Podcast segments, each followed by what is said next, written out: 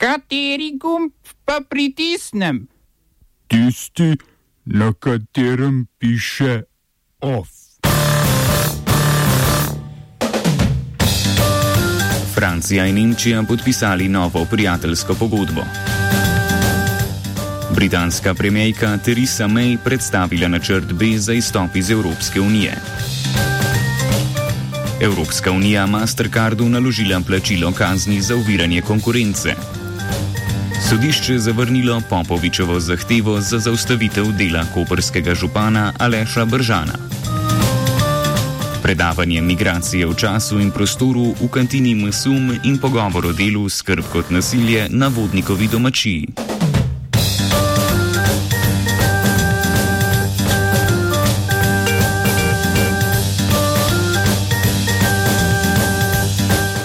Francoski predsednik Emmanuel Macron in nemška kanclerka Angela Merkel sta v nemškem mestu Aachen sklenila novo prijateljsko pogodbo med državama. Ta v 28 členih načrtuje okrepitev sodelovanja vlad in parlamentov na področju izobraževanja, raziskovanja in varnosti ter finančne, gospodarske in zunanje politike. Francija in Nemčija sta se zavezali k približevanju k davčni in socialni zakonodaji ter k prizadevanjem za čistejše okolje. Pogodba med drugim predvideva tudi vzpostavitev tako imenovanih obmejnih evrskih območij na meji med obema državama, kjer bi bile zmanjšanje birokratske ovire za poslovanje in uzakonjena bi bila dvojezičnost v javnih institucijah. Nova pogodba nadgrajuje Elizejsko prijateljsko pogodbo, ki sta jo pred 56 leti podpisala francoski predsednik Charles de Gaulle in nemški kancler Konrad Adenauer in ki je bila temelj za uradno potrditev sprave med obima dotedaj sovražnima nacijama.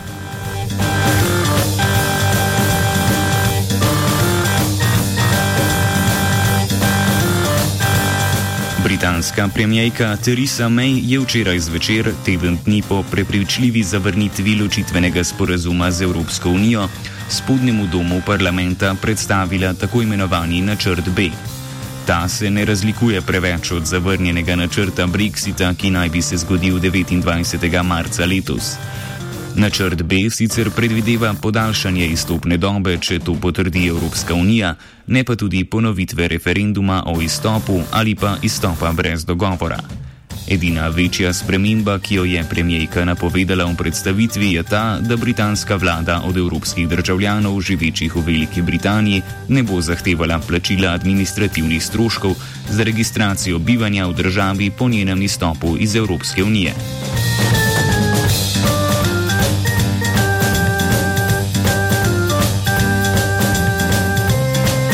Predstavljeni načrt je naletel na negodovanje opozicije, predvsem stranke laboristov, ki želi doseči drugačno obliko gospodarskega sodelovanja in sicer trajno carinsko unijo.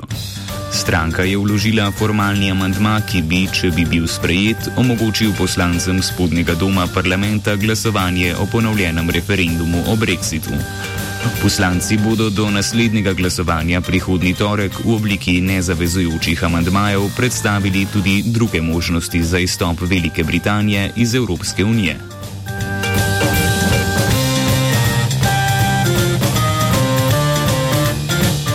Sodišče Evropske unije je Avstriji naložilo spremembo zakonodaje, ki naj bi diskriminirala državljane na podlagi vere.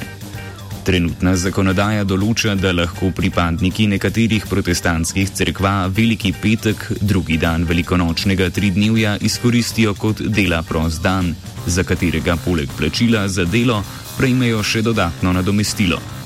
Namen te posebne ureditve je pripadnikom teh cerkva omogočiti udejanjenje njihove veroizpovedi na ta praznik, ne da bi se morali z delodajalcem dogovoriti za dan dopusta.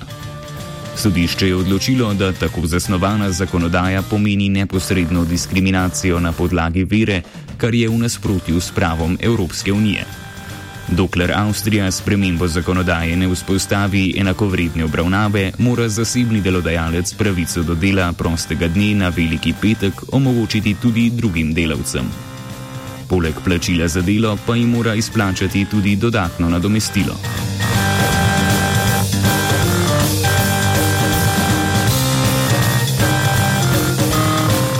Zaradi oviranja konkurence bo moralo finančno podjetje Mastercard Evropski uniji plačati 570 milijonov evrov kazni. Pravila podjetja za procesiranje plačil s kreditnimi in plačilnimi karticami namreč bankam preprečujejo, da bi v državah članicah Evropskega gospodarskega prostora trgovcem na drobno ponudile nižje medbančne provizije.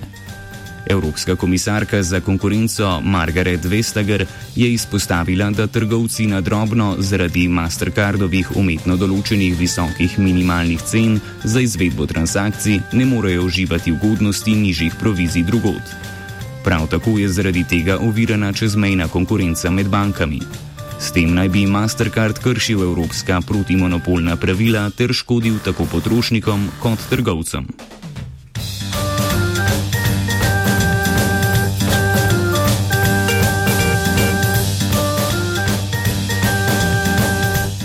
Medtem ko se nekatere zahodnoafriške države soočajo z vladnimi krizami, sta predsednik Gambije Adama Barrow in predsednik Senegala Macky Sall danes slovesno odprla kilometr dolgi senegambijski most, ki povezuje oba bregova reke Gambije z gambijskim mejnim prehodom Farafeni.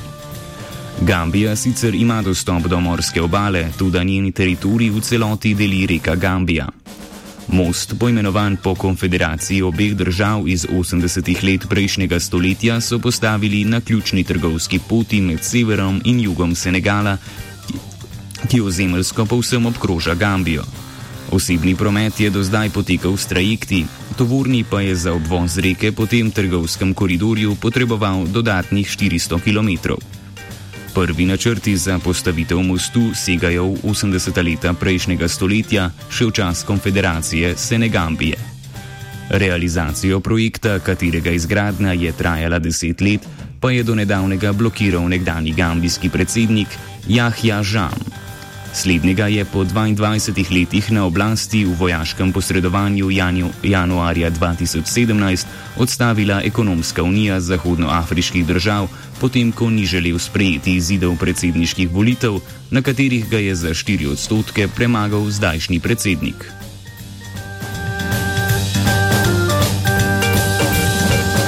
Oba, če, če bom odgovoril na angliški.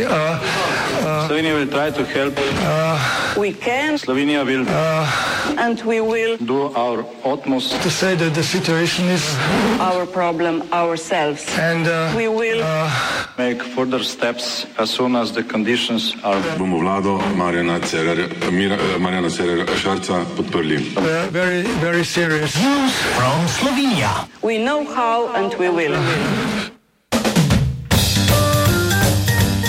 Novogoriški oddelek Koperskega upravnega sodišča je kot neutemeljeno zavrnil zahtevo nekdanjega koperskega župana Borisa Popoviča za začasno prekinitev trenutnega županovanja Aleša Bržana. Popovič je na upravno sodišče vložil zahtevo za začasno odredbo ob pritožbi zoper sklep Koperskega občinskega sveta, ki je mandat potrdil Bržanu.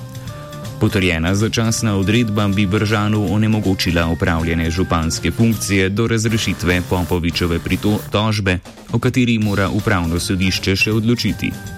V zavrnilnem sklepu je Kuprsko upravno sodišče sporočilo, da bi začasna odredba povzročila nezakonito situacijo, saj lokalna skupnost ne bi imela zakonitega zastopnika. Popovič v zahtevi za začasno odredbo tudi ni predlagal, kdo naj bi tedaj izvrševal funkcijo župana.